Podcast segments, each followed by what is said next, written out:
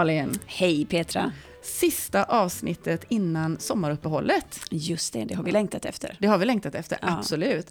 Och nu får vi ju faktiskt börja eh, umgås lite mer i alla fall än vad vi har kunnat göra liksom tidigare här. Så det ska bli jättemysigt att gå in i sommaren. Men eh, vi hade väl tänkt att, att förhålla oss till en frågeställning så som oftast eh, vi får till dig och mig. Och det handlar ju om det här med eh, första styrelseuppdraget. Och då ställer man ju oftast den här frågan, hur får man sitt första styrelseuppdrag? Får man verkligen sitt styrelseuppdrag? Vad säger du där Malin? Ja, Jag tycker det där är jättespännande, för det, det är precis som du säger att, att eh, vi har ju fått supermycket positiv respons på den här podden. Och en av frågorna som kommer det är just hur, hur får man uppdraget? Eh, sen ska man, man ska ju inte kanske ha synpunkter på ordval, men, men jag tror att det är, ja, men man arbetar sig fram till, till att få uppdrag. Det, det, jag har väldigt få exempel på när, när någon bara har suttit passiv vid, vid eh, telefonen eller, eller datorn och fått ett mejl där det säger hej vill du eh, gå in i den här styrelsen. Så att eh, det kräver ju en hel del och därför kan man väl säga, för att inte, inte markera ord, just därför är det ju en väldigt relevant fråga. Hur bär man sig åt för att komma i fråga för att, att få en fråga om ett, ett styrelseuppdrag? Och det verkar ju som att eh, det är väldigt många som vill engagera sig och vara styrelseaktiva numera. Mycket mer så idag. Jag vet inte hur du har reflekterat över det, men jag tycker att det finns en helt annan rörelse och vilja bland eh, människor att eh, i aktiv, liksom i sin operativa karriär, eh, också lägga till det här med styrelseuppdrag. Så den här frågan med eh, om det är någonting som man gör eh, lite sådär vid sidan om, eller om det faktiskt är ett, eh, ett eh, yrke eller ett arbete. Vad tänker du där? Ja, Men det där, eh, både för dig och mig så är ju det här ett yrke. Eh, och det är ju egentligen därför vi har den här podden. Eh, och sen förstår jag att många är nyfikna på det, för det är väldigt roligt. Eh, eh, men just eftersom det är ett yrke för mig så ser jag ju också att, att det är eh, lite beroende på vilken typ av bolag man vill engagera sig i. Eh, om det är en bostadsrättsförening eller om det är ett bolag. Eh, så får man ha stor respekt för att det faktiskt krävs tid och engagemang. Eh, jag säger absolut inte att det inte går att eh, ha ett styrelseuppdrag parallellt med ett operativt yrke. Det hade jag själv eh, under, under många år eh, när jag var i, i Volvo-koncernen. Då hade vi möjlighet att ha upp till två eh, styrelseuppdrag parallellt med, med vårt operativa uppdrag. Och det var jättebra och funkade. Eh, men jag tror att man, man eh, Eh, det, det är ett annorlunda yrke att ge sig in på. Så att eh, jag vill gärna, jag råder ofta folk att, att eh, ha stor respekt för yrket. Och sen är det ju alldeles utmärkt om man har ett operativt jobb, man är intresserad av styrelsearbete, man kanske går en utbildning, man har möjlighet att, att eh, gå in i ett styrelseuppdrag och känner efter och lär sig eh, under tiden. Men man känner också efter, är, är det här någonting för mig? Och då kanske man vill växla upp det. Eller så är det precis det man vill göra, att ha någonting parallellt. Så att det, är, men det är lite olika. Mm. Och jag tänker också där, ehm, några har ju frågat mig, hur lång tid tog det för dig att liksom kanske då komma till den, eh, det antalet uppdrag som gör att du faktiskt kan göra det på heltid? Och det kan ju vara lite varierande beroende på naturligtvis eh, vilka vilken fas bolagen är i och kanske också om de är noterade eller onoterade beroende på liksom vilken ersättning man får naturligtvis. Men jag skulle nästan säga att det är ungefär som att starta ett bolag Ja, själv. jämförelse. Eh, och jag tycker nästan att det tar, ja men första året så handlar det mycket om att liksom, eh, bild, alltså marknadsföra sig på något sätt och, och andra året så handlar det om att eh, skapa relationer och så och tredje året så kanske det är så att det har växt till- tillräckligt så man faktiskt kan omsätta det eh, på något sätt. Så jag, jag säger någonstans kanske tre, fyra år. Mm, det tror jag Eh, stämmer. Och det, det finns ju en annan aspekt på det du säger också. Eh, och, och dels är det ju eh, lite beroende på, men som, som styrelseledamot så du, du kan gå in som adjungerad lite när som under året men oftast så är ju stämmorna på våren. Mm. Så att det gör att det är ett fönster som faktiskt ligger ofta en gång om året. Mm. Eller en period om året. Och det, för mig känns det ju inte seriöst heller, även om man skulle få fyra, fem frågor, att, att parallellt gå in i fyra, fem, som, som oerfaren styrelsearbetare, att gå in Nej. i fyra, fem styrelser eh, på ett bräde. För att eh, det, det får man ju också ta med att, att det är ett som ett, precis, jag tycker det är bra som att starta ett Mm. bolag eller som att arbeta som konsult. Att du vill ha några uppdrag som du har jobbat med en lite längre tid och några som du kan plocka på Mm. efterhand därför att det finns en, eh, kanske inte ett bäst före-datum, men det finns ändå en, en tidsaspekt som gör att, att upp till x år Mm. bör du verka i en, en styrelse. Så att, eh, ja men absolut, det tar några år om man vill göra det här på heltid. Mm.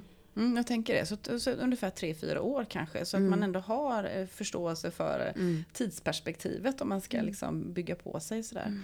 Men om vi ska backa bandet lite grann och, och ändå förhålla oss till frågan då. Det här med att jag vill göra, göra mig synlig för styrelseuppdrag. Vad, eh, vad brukar du ge för råd till de här personerna som faktiskt ställer de frågorna till dig? Mm.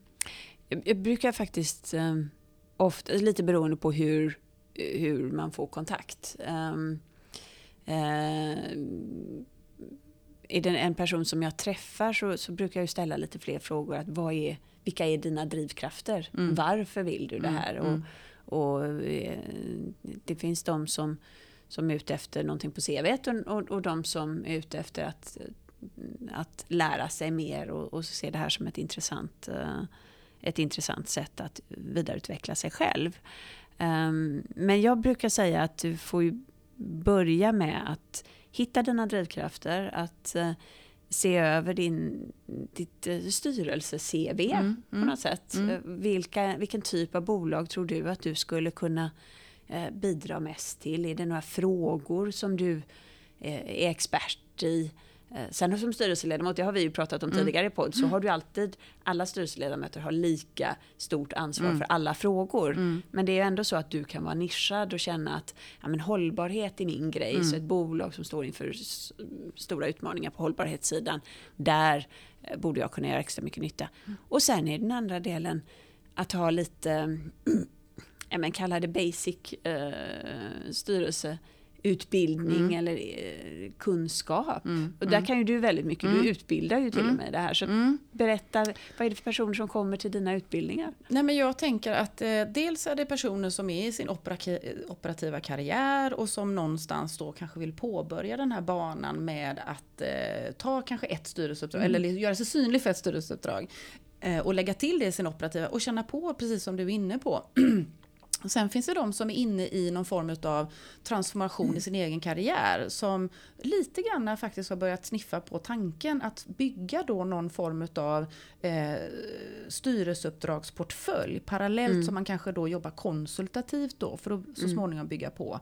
Så att, eh, och jag träffar, det är ju både ägare och sådana som är nyfikna på styrelseuppdrag men också de som har styrelseuppdrag och, och Mm. så. Och eh, jag tänker där att där det vi utbildar i det är ju själva liksom grunden i eh, hur ser den svenska eh, bolagsstyrningsmodellen ut? Eh, vad är våra formella krav enligt aktiebolagslagen? Så att Mm. man som, när man kliver in i sitt styrelseuppdrag, för det tycker jag faktiskt är basic, att du måste Eftersom som du sa innan då, alla är ju lika ansvariga. Yeah.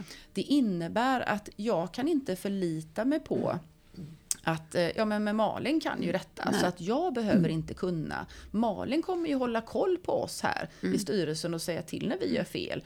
Eh, utan alla behöver ju veta vad är det formella kravet. Yeah. Eh, det tänker jag att man får med sig. Sen så kan man ju bygga på med ytterligare delar naturligtvis. Men någonting som har slagit mig faktiskt, för att vi brukar ju alltid fråga eh, våra deltagare, eh, vad vill du ha ut av den här utbildningen, varför är du här? Mm.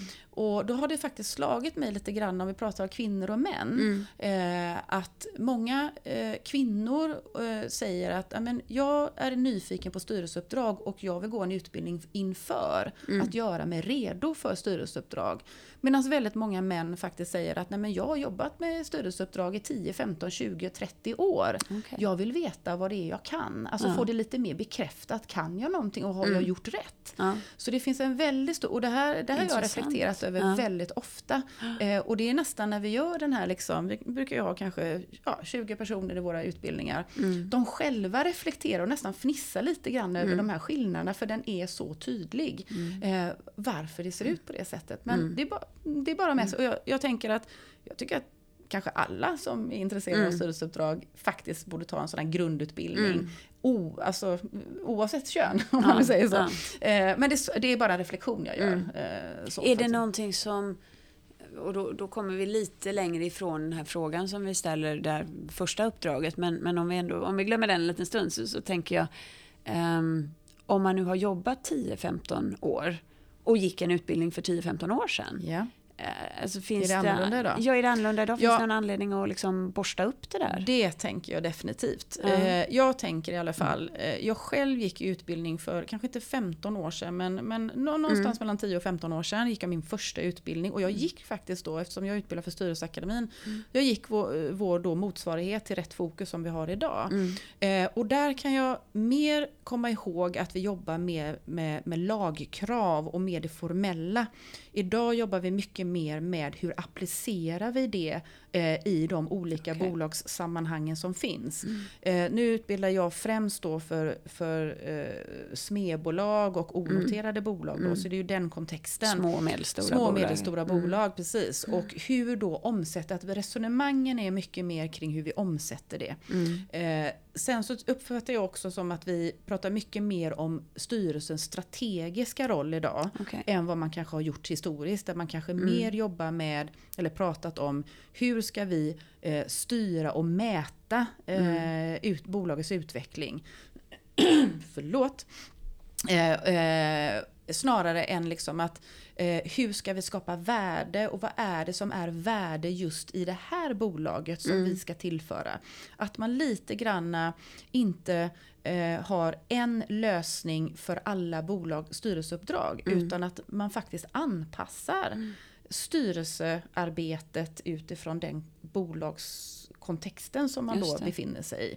Det uppfattar jag är i alla fall en, en förflyttning som man har gjort. Då. Och om det nu sitter någon och lyssnar på det här på, på stranden Mm, ja, yes, och känner att nu vill jag, ja men precis, nu vill jag bygga på här. Mm. Ehm, I dagsläget så finns det digitala utbildningar inbillar jag mig. Absolut, det finns ju massa olika aktörer Mm. som utbildar inom styrelse, eh, liksom själva Mm. formalian kan man säga och själva det som är bolagsstyrningsmodellen så att man får en, en förståelse för den. Så Mm. det finns ju massa olika aktörer som, som de facto gör det. Sen så tänker jag också så här att, att eh, vad är det i övrigt som alla styrelseledamöter faktiskt behöver ha oavsett sin specialistkompetens. Mm. Eh, vi har ju de facto en kontrollfunktion och Ja. det handlar ju om att förstå bolagets ekonomi. Mm. Att efterfråga rätt underlag eller rätt, Mm. eh, liksom, eh, ja, rätt underlag in till styrelsen. Förstå det som man faktiskt läser. Och sen också då kunna agera på det som man faktiskt får till sig. Mm. Det är varje styrelseledamots eh, skyldighet att göra Ja. i kontrollfunktionen. Så är man inte ekonom från början så tycker jag att man behöver lägga till det liksom, till det övriga som man också har med sig. Mm. Och sen så eh, tycker jag faktiskt då nu förstår jag att jobbar man i tidig fas, till exempel startup-fasen, då jobbar man väldigt mycket mer som en ledningsgrupp, det vill säga Mm. man jobbar mycket mer med de operativa frågorna. Men om vi ändå generellt sett ska titta på styrelsens roll och prata, jobba med det långsiktiga och det mer strategiska. Så uppfattar jag, eller min erfarenhet och reflektion som jag gör eftersom jag också jobbar med vår strategiutbildning då på Mm. Styr- Styrelseakademin. Är att väldigt många har jobbat med strategi i den operativa rollen. Mm. Men hur, vad är strategi ur ett styrelseperspektiv och styrelserollen? Eh, att faktiskt reflektera över det och kanske också då har jag mer inte jobbat med strategi i min operativa roll bygg på Med då det, ja. med att det liksom, vad är strategi? Mm. Eh, eh, vad handlar det om jämförelsevis kanske det taktiska Mm. eh, dagliga arbetet? Och vad är då styrelsens roll i Ja. det? Och sen eh, träna dig i det i Mm. alla uppdragen som du har. Lär dig, var väldigt inlyssnande till andra som Mm. kanske är väldigt, väldigt duktiga på det området. Det är de områdena som jag tänker att de allra flesta behöver ha med sig. Mm. Eh, Sen kan jag faktiskt känna att, um, och, återigen, det är en bra grund och det kan man behöva borsta upp då och då. Mm, mm. Och man kan behöva reflektera, eller det är lämpligt att reflektera, vad behöver jag för påfyllnad? En annan aspekt på just utbildning, uh, ur, ur liksom min egen erfarenhet, det är ju också värdet av att faktiskt gå på en, eller ta del av en styrelseutbildning eh, en hel styrelse. Att man Mm. gör det tillsammans. Eller styrelse och ledning. mm. Eh, det är ju min erfarenhet att vi är rätt så dåliga på att prioritera det. Mm. Eh, däremot så jag har ett bolag nu som, som vi precis har tagit till börsen och då finns det ju krav Krav, ja. från, Mm. från börsen att eh, ledamöterna ska gå eller ha gått eh, eh, börsens eh, utbildning. Och, och, och det finns ett... Även om många eh, kan tycka att man har gått igenom allt det där så finns det ett värde av att ha diskussionen och att göra det Mm. tillsammans Mm. i styrelse och styrelse och ledningsgrupp. Mm. Men jag tänker det, jag har ju liksom valt och fått förmånen att jobba som styrelseordförande. Mm. Och eh, då brukar jag göra, liksom, när jag kliver in i, i styrelseordförandeuppdraget, eh, lite grann inventera hur Mm. ser det ut här när det gäller kunskapsnivån och lite grann det här som handlar om eh, reflektionerna, har vi samma definitioner? Ser vi på våra roller på Mm. samma sätt eller har vi olikheter där? Och eh, många gånger så brukar jag gå in och göra någon liten utbildningsinsats. Mer som eh, liksom ett, ett eh, vad ska man säga, en insats för att just diskutera Ja. eh, och försöka förstå vad har vi för gap här Mm. eller har vi en väldigt stor samsyn? Mm. Eh, och där jag faktiskt också då plockar med eh, delägare, hela styrelsen, VD och ledningsgruppen. Mm. För att alla ska ju på något sätt samarbeta på, på lite olika sätt och, och hur gör vi det? För det, det har med det att göra. Ja. Eh, och det har jag uppskattat väldigt, väldigt mycket. Eh, så. Och då finns det ju inga dumma frågor men man inser ju också då tyvärr att nivån är ganska låg Mm. på att förstå de olika rollerna, funktionerna, hur man kan samarbeta med varandra, vilka beslut är det som faktiskt ligger var någonstans. Ehm, så. Och det tycker jag, då, då har jag direkt skapat värde någonstans Mm. för att då, då, då synliggör vi det och då kan vi jobba med det. Mm. Och det tycker jag är väldigt positivt. Mm. Mm. Och, och någonstans också att, ehm, att se till att vidareutbilda sig utan att känna någon skämskudde Mm. på det. För är det Nej. någonting jag har missat så är det väl jättebra om jag kan få ta till mig det. det Ja. Det är väl därför vi gör den här podden också Ja, tänker jag Malin. precis, för att vi vill fylla på och Ja. vi tänker att det är andra som vill fylla på. För, för det är som du säger och ingenting står ju still. Nej. Eh, Allting rör på sig och det rör på sig minst lika Mm. mycket, lika snabbt för oss i styrelserummen utifrån våran, liksom, vårt uppdrag. Men du, då, då Mm. har vi ju konstaterat att, att tillbaka till de här som frågar Ja, hur får ja. jag mitt första uppdrag? Ehm, och, och då har vi landat i att man, mm, man får inte bara utan man får, får jobba eh, Mm. en hel del eh, för det. Eh, man ska se till att ha en grundläggande utbildning. Eh, och sen så ska man fundera lite grann på min, vad är min profil? Jobba med sitt CV ur det Mm. perspektivet. Men vad gör man sen då? Vem? vem? Men kan vi, kan, vi bara, kan vi bara förhålla oss lite grann till CV Ja. där? Eller lite grann hur man synliggör? För jag tänker någonstans att det handlar ju om mitt personliga varumärke. Mm. Och eh, jag uppfattar idag i alla fall, det, nu får detta komma liksom helt personlig reflektion, är att LinkedIn är en plats, en mötesplats där man ehm, eh, går till för att Mm. liksom titta på en person och hur ser det blir ju din personliga hemsida kan man Mm. nästan säga. Mm. Eh, och följer kanske vissa personer som är då intressanta liksom Mm. för kanske styrelseuppdrag så småningom och sådär då. Så jag, jag tänker att dels att man har då en LinkedIn-profil som är Mm. uppdaterad och, och ser snygg och fräsch ut om man säger Mm. så.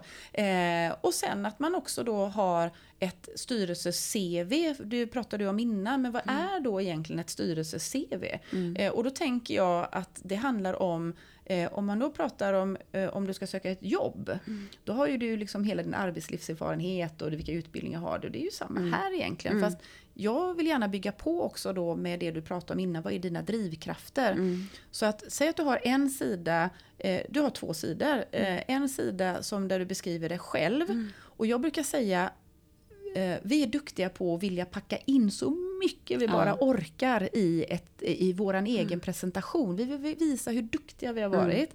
Jag förstår det.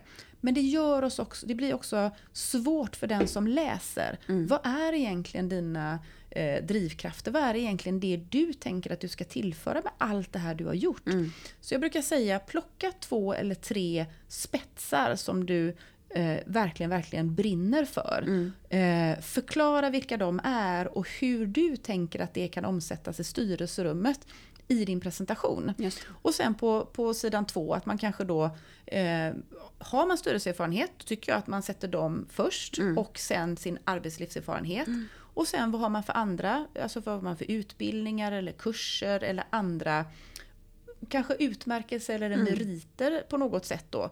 Gör det inte längre än så. Mm. Eh, men framförallt det här första delen med vad är dina mm. spetsar. Eh, och sen kan man ju göra det till en pdf, lägga upp den på LinkedIn så att den går att ladda ner för någon ja, som är nyfiken och mm. intresserad. Eh, det är ju inte så att det är någon som kommer att surfa runt på LinkedIn och bara hittar ditt styrelse-CV och tycker att du är intressant. Oftast handlar det om en mix. Mm. Du blir rekommenderad någon, någon du går in på LinkedIn, på LinkedIn, man går och, och surfar runt på din lilla LinkedIn-sida. Ja. Där finns den.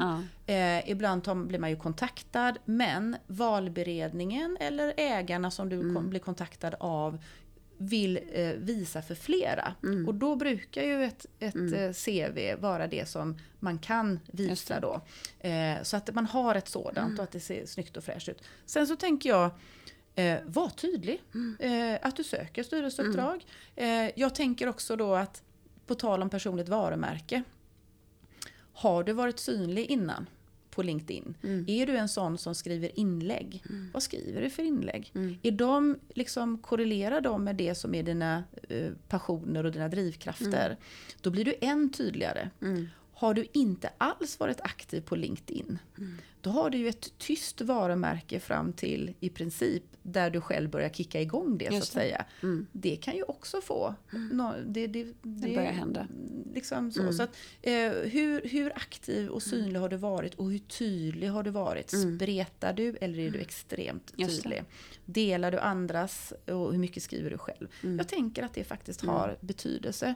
Så så, och när vi tar in personer i styrelser så handlar det ju om att det är den personen. Mm. Och det, då är det ju ditt personliga varumärke ja. som är viktigt. Då. Och sen är det ju som vilken rekrytering som helst men kanske kanske extra mycket eftersom en styrelse är en liten grupp. Mm. Så är det ju viktigt just den här gruppdynamiken. En av de vanligaste frågorna som jag tror att jag får Eh, när och om jag diskuterar nya styrelseuppdrag från en, en, ett searchbolag eller en valberedning eller så, det är ju, eller en ägare. Vilken roll brukar du ta i styrelsen? Mm. Mm. Um, och, och, och, och det, det, handlar ju om att man vill hitta en viss profil mm. som passar ihop mm. eller som man saknar. Uh, så att det där är ju också väldigt viktigt. Jag får ju aldrig den eftersom jag alltid jobbar som styrelseordförande och ja, den är ganska given. Eh, så, men det är klart ja. att man, man, man ändå tittar på en styrelseordförande. Vilken ja. typ av ledare är du? Vilket ledarskap har du i styrelsen? Vad, är du, vad är du mest van att arbeta med för, mm. för bolag? Mm. Det är väl snarare det mm. man kanske får, mm. får frågan om. Men mm. väldigt sällan vilken roll jag tar, Nej. för den är ganska Nej. given tänker jag. Eh, så. Men jag tänker också det att um, Samtidigt, jag måste ju avbryta mm. och säga att det ändå är lite...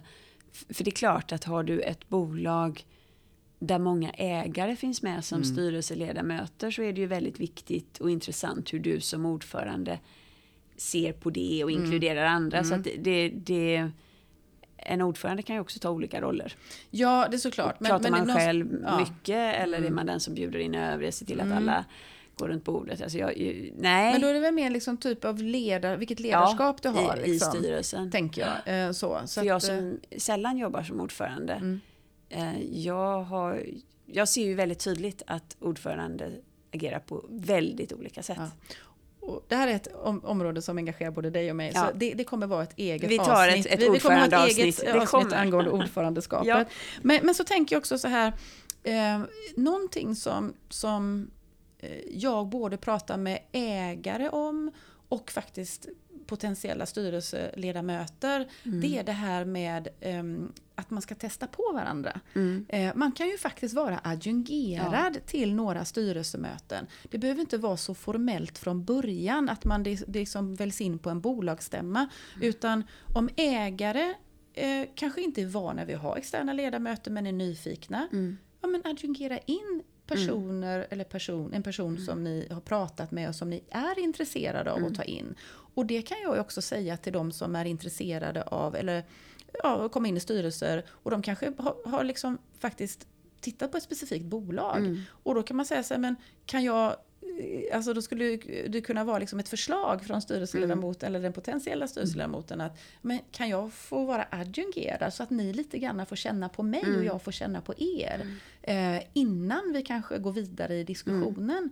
Eh, så, så det är ett ganska lättsamt sätt. Självklart så förstår jag ju då att då får man ju skriva kanske sekretessavtal för mm. att man får ju till sig ändå information om bolaget. Men jag mm. menar det, det, det löser man rent praktiskt. Ja men det tror jag. Men jag tror att det är som du säger att det är Eh, jag tror inte vi kan skicka ut liksom en allmän uppmaning att be om att Nej. få prya i en styrelse. Nej, det, det menar Nej, jag. jag vet jag att du inte menar det. Men jag, jag, jag, jag, tror att det måste finnas en ömsesidig ambition mm. att den här personen skulle mm. göra ett bra jobb i den här mm. styrelsen och mm. det är det vi båda vill. Ja. Men ingen part eh, vill committa sig redan nu. Nej, men det handlar väl lite om att känna. Och ja. där, där, där, förstår jag också. Mm. Vi, du och jag jobbar ju lite olika mm. Eh, bolagskontexter och du jobbar i mer noterad miljö mm. och jag en onoterad miljö. Jag tänker att i den onoterade ja. miljön så är det kanske lite enklare. Absolut. Eh, och lite mer görbart, tänker jag, än i den noterade miljön. Nej, jag föreslår inte det rent allmänt. Men eh, det kan också vara så, i alla fall från den, den här styrelseledamotens sida som vill mm. komma in ja. och få, inte få, men börja mm. sitt första styrelseuppdrag. Mm. Eh, så kan det vara ett förslag. Mm. Och säga, ni får jättegärna känna på mig. Ja. Eh, på det sättet att jag faktiskt är adjungerad mm. eh, in. Så, så kan vi liksom känna av varandra. Absolut. Det kan ju ändå vara ett förslag. Ja. Eh, som mm. gör det där att det inte blir ett lika stort mm. eh, steg mm. kanske för valberedningen eller för Precis. ägarna att titta på den kandidaten. Och då är vi faktiskt inne på den där sista, sista ja. delen. Ja. Mm. Nu har man en utbildning säger mm. vi man har um, putsat upp sitt CV. Ja. Eh, man vet vad man vill vad gör man då? Ja. Och då eh, mm. tänker jag så här att eh, ägare, de står ju oftast inte och räcker upp handen och, och, och skriker efter eh, styrelseledamöter. Eh, tänker jag. Eh, men det finns ändå sammanhang mm. där ägare rör sig, yeah. tänker jag. Eh, dels så har vi ju de rent utpräglade, kanske inte just ägare med valberedningar, men där det rör sig styrelsefolk. Då. Mm. Eh, och det kan ju vara sådana organisationer som Styrelseakademin, eh, Styrelsebalans, den här typen av mm. aktörer som, som ändå finns och har mm. mötesplatser, mm. skapar kanske matchmaking-events eller vad det nu mm. kan vara för någonting. Eh, då krävs det oftast att man är medlem, så att man är medlem i en, en sån typ av eh, organisation för att exponera sig. Eh, det finns ju då, jag tänker aktörer som Almi, Connect, våra handelskamrar runt om mm. i Sverige som jobbar med den typen av mötesplatser också och jobbar oftast med bolag och ägare eh, där oftast det här med styrning är en del av deras eh, frågeställningar eller utmaningar som de oftast har. Och där man kanske möts i ett annat sammanhang men så mm. småningom lär känna varandra och så blir det kanske ett styrelseuppdrag. Jag tänker också våra banker börjar bli mer bättre på att skapa mm. mötesplatser.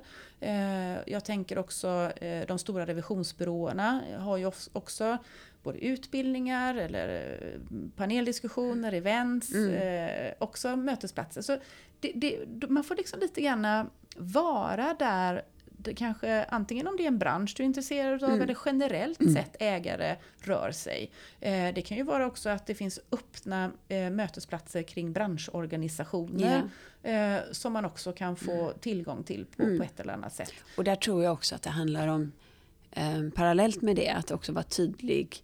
Alltså räcka upp handen i de forum man hittar. Att ja, men Ja. det här är jag intresserad av. Så Ja. att, alltså jag brukar ofta prata om att styra slumpen. Mm. Ja. Det, det, det är lättare att det råkar bli Mm. någonting om jag har sagt att det här skulle jag vara intresserad av. Mm. Om, om, råka, Mm. om det råkar hända.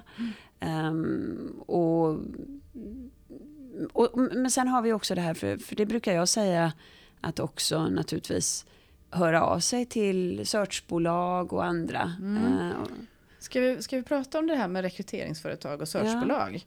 Eh, vad vi har för erfarenheter där. Eh, som som jag, vi sa innan så Mm. har ju du och jag lite olika eh, profiler. Mm. där du jobbar mer noterat och jobbar ni- mer onoterat. Och inför det, liksom, det här samtalet Mm. så pratade vi lite grann om det där. Mm. Och då slog det ju i alla fall mig då. Eh, för jag sa att eh, jag aldrig blivit kontaktad av ett searchbolag eller ett Nej. rekryteringsföretag för ett styrelseuppdrag. Mm. Och du sa, Ja, jag har blivit kontaktad. eh, Många av mina styrelseuppdrag är, är via Ja. Och då jobbar du i noterad Ja. miljö och då Mm. tänker vi så här att för att du också då är mer synlig I, i, den, ja. i den noterade miljön. Medan då i den onoterade Ja. miljön som jag befinner mig i. Eh, dels så tänker jag att man inte är lika synlig. Mm. Dels så tänker jag också då att ehm, ägare i den onoterade miljön i normalfallet kanske inte heller Nej, vänder sig Precis. till ett searchbolag eller ett rekryteringsföretag Nej. för att hitta ledamöter. Så. Eh, vad, vad är dina erfarenheter då när du blir kontaktad av de här searchbolagen? Eh, får, får man lov att fråga då, hur pålästa är de på uppdraget? Hur bra är Mm. de på att matcha? Mm. Eh, Ja, I de fall där jag har fått uppdraget tycker jag ju Så de är att fantastiskt bra på att matcha såklart. Eh, nej, men jag tycker att de är väldigt professionella, Ja. eh, måste jag säga. Mm. Jag har haft kontakt med, med några av de, de stora bolagen, eh, searchbolagen då. Ehm, och jag förstår att det här är inte deras huvudsakliga verksamhet. Nej. Eh, Men ett sätt för dem att visa sina uppdragsgivare och klienter att, att de har eh, insyn och, och nätverk också när det gäller styrelseuppdrag. Så att eh, så jag uppfattar att de är väldigt måna om att göra ett, ett bra jobb. Att de faktiskt går in lika seriöst i, i att, att fundera på profiler där. Eh, För det tycker jag, det, det finns alltid eh, du får, du får alltid liksom en profil, att det är det här man söker. Um, så att det tycker jag nog att de är väldigt eh, professionella. Och sen är det ibland är det ju i, i de stora bolagen en viss del av bolaget som jobbar mer med styrelserekrytering än, Mm. än annat. Ehm, och, och de har ju också i några av mina uppdrag som är relativt internationella Mm. så finns det ju eh, internationella nätverk inom de här Mm. bolagen som gör att, eh, ja, men att de hittar Mm. eh, hyfsat rätt. Men jag tänker också det här att eh, det är ju trots allt ändå ägarna som på Mm. bolagsstämman bestämmer vilken, vilka som ska utgöra Ja. eller vara styrelseledamöter för dem. Eh, och där tänker jag också då skillnaden mellan Mm. faktiskt noterad miljö och onoterad miljö. Mm. Det är ju att i noterad miljö så har ni ju valberedningar. Ja. Eh, vi kanske bara ska, för de som är kanske lite rookies, Mm. ska vi förklara vad en valberedning gör? Mm. Och det tror jag faktiskt också kan bli ett framtida helpodd. podd. absolut, vi ska prata valberedning Eh, framöver. Men ehm, en valberedning är ju de personer som eh, årsstämman, alltså ägarnas eh, beslut, har pekat på och sagt att det är ni som ska bereda den här frågan kring val. Mm. Ni ska komma, vi, vi uppdrar åt er att till nästa stämma komma med förslag på nya styrelseledamöter, oftast på arvodesnivåer, eh, val av revisor. Mm. Så valberedningarna blir viktigare. Mm. Eh, jag har själv ett, ett eh, uppdrag idag som ordförande i en valberedning Mm. för ett not- noterat bolag. Mm. Och det eh, det är ett eh, ansvarsfullt uppdrag. I, de, I den noterade världen så brukar valberedningarna sätta samman eh, genom att man några månader efter stämman ser vilka är de tre, fyra, fem största ägarna och så får de ägarna utse varsin representant som då utgör valberedning. Och så brukar man naturligtvis arbeta, men det kan vi ta i det särskilda avsnittet. Mm, men men mm, där, mm. där bjuder man ju in ordförande att tycka till om vad som behövs och, och, och, och lite så. Mm. Och där kan jag säga eh, också då av egen erfarenhet att det är absolut inte förbjudet att själv ta kontakt med en valberedning och säga Nej. här är jag. Mm. Eh, Jag tycker att det här bolaget verkar superspännande. Mm. Eh, Och det skulle jag väl vil- vilja rikta som uppmaning oavsett om det finns, för det är inte alltid det finns en formell valberedning heller. Nej, Ja, jag kan få prata lite om Ja, det. men absolut. Men, Mm. men jag tror att, att eh, det, det är en uppmaning att är det så att du har liksom ett drömbolag där du ser här skulle jag göra nytta. Mm. Ja, men då ska du naturligtvis kontakta det bolaget precis som du skulle gjort om du hade velat bli anställd där. Mm, mm.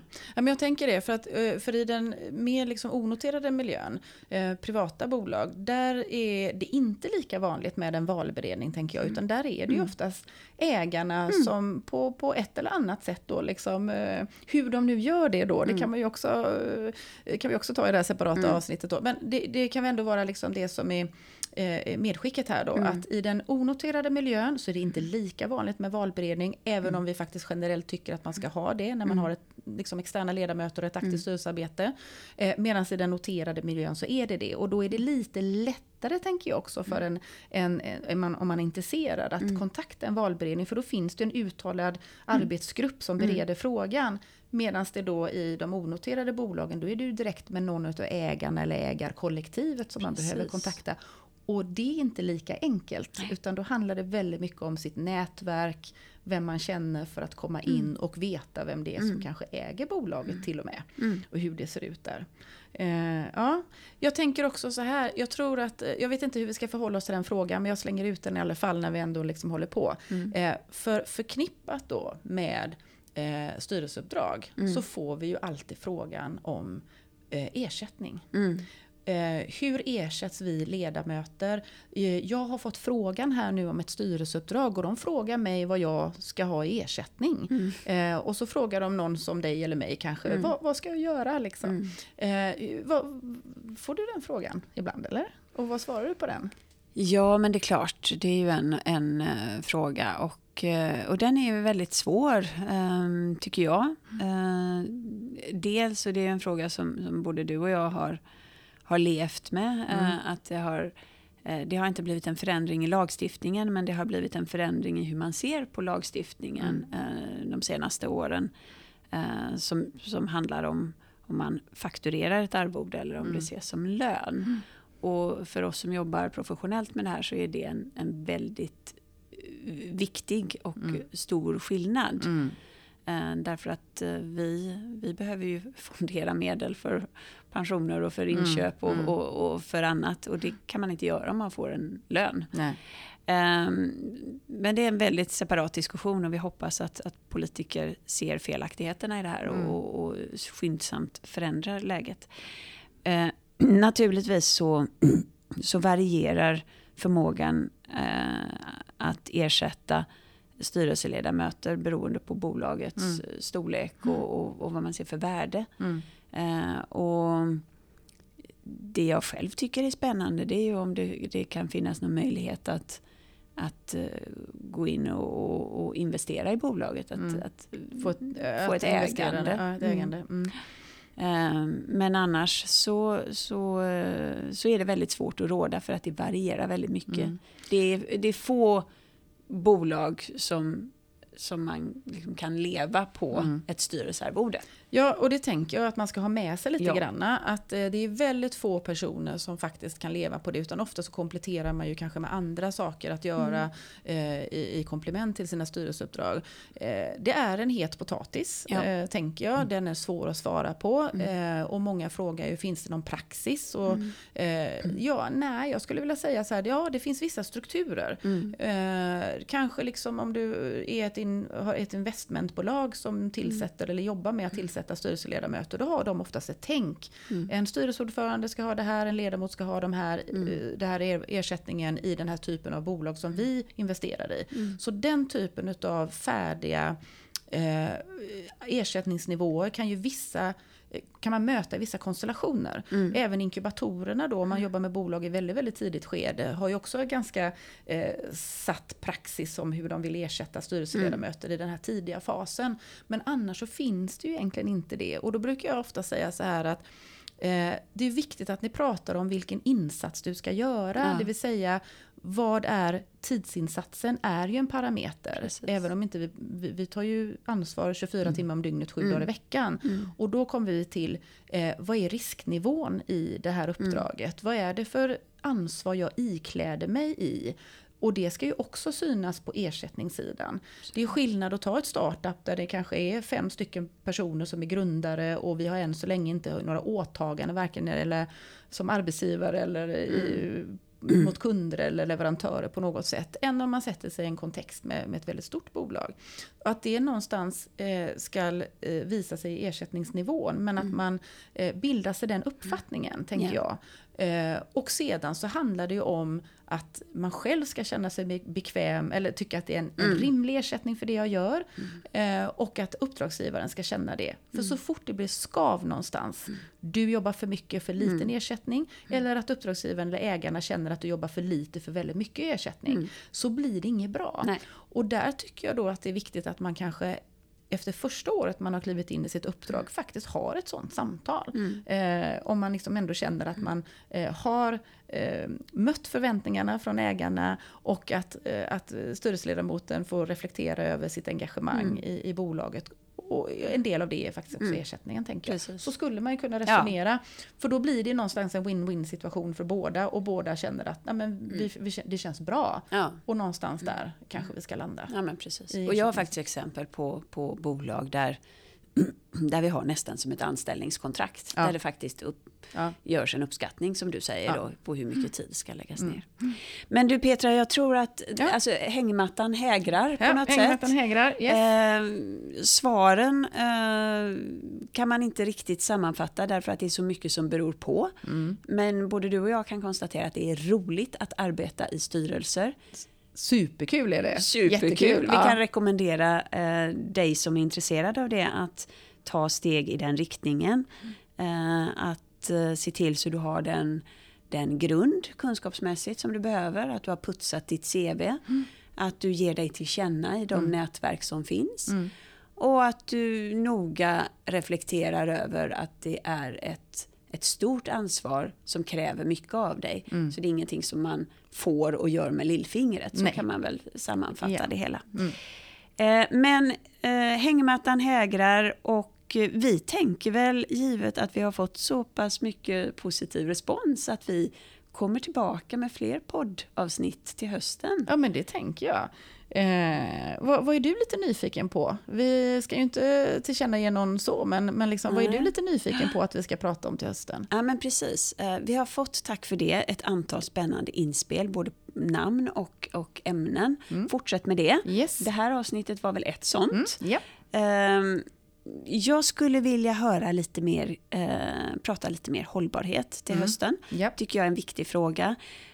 Um, och hållbarhet kan ju expanderas uh, hur brett som helst. Så mm. att vi får hitta vår ingång. Och sen tycker jag till hösten så, så är vi väl vaccinerade. Mm. Så, så det här efter pandemin, ja. vad, vad tar vi med oss? Mm. Tycker jag är superspännande.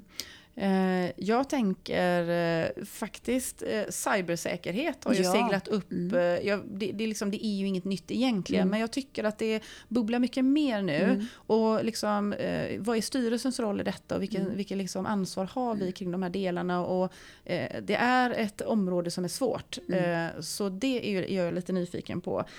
sen är, skulle jag jättegärna vilja prata om intraprenörskap. Mm. faktiskt. Vad det är. Va, vad handlar det mm. om? Och eh, vi vill ju jobba med bolag i tillväxt och eh, är det via entreprenörer eller är det via intraprenörer som ja. vi gör det? Mm. Eh, och hur kan vi skapa goda förutsättningar för mm. det? Så det är, det är två mm. ämnen. Och sen har vi ju pratat valberedning, mm. Styrelseordförande. Mm. Så det finns en uppsjö. Ja. Eh, så jag tänker att Vi nej, kan hålla på ett tag till. vi, vi kan hålla på ett tag till. Och så länge vi har fantastiska lyssnare som ger jättefin feedback Mm. till oss. Eh, tack så jättemycket eh, till er och för den här eh, våren tillsammans. Och jättekul att att jobbat med dig Malin. Mm. Eh, och, ja, superspännande. Jag har lärt mig jättemycket av dig och av våra gäster såklart. Eh, och det, det är ju därför vi gör det här. För Mm. att vi vill eh, inspirera och vara en del utav eh, samtalet kring styrelsearbete och Precis. bolagsstyrning. Tack Petra. Tack Malin. Hej då allihopa och ha en riktigt trevlig sommar nu så syns vi till hösten. Hej då. Hej då.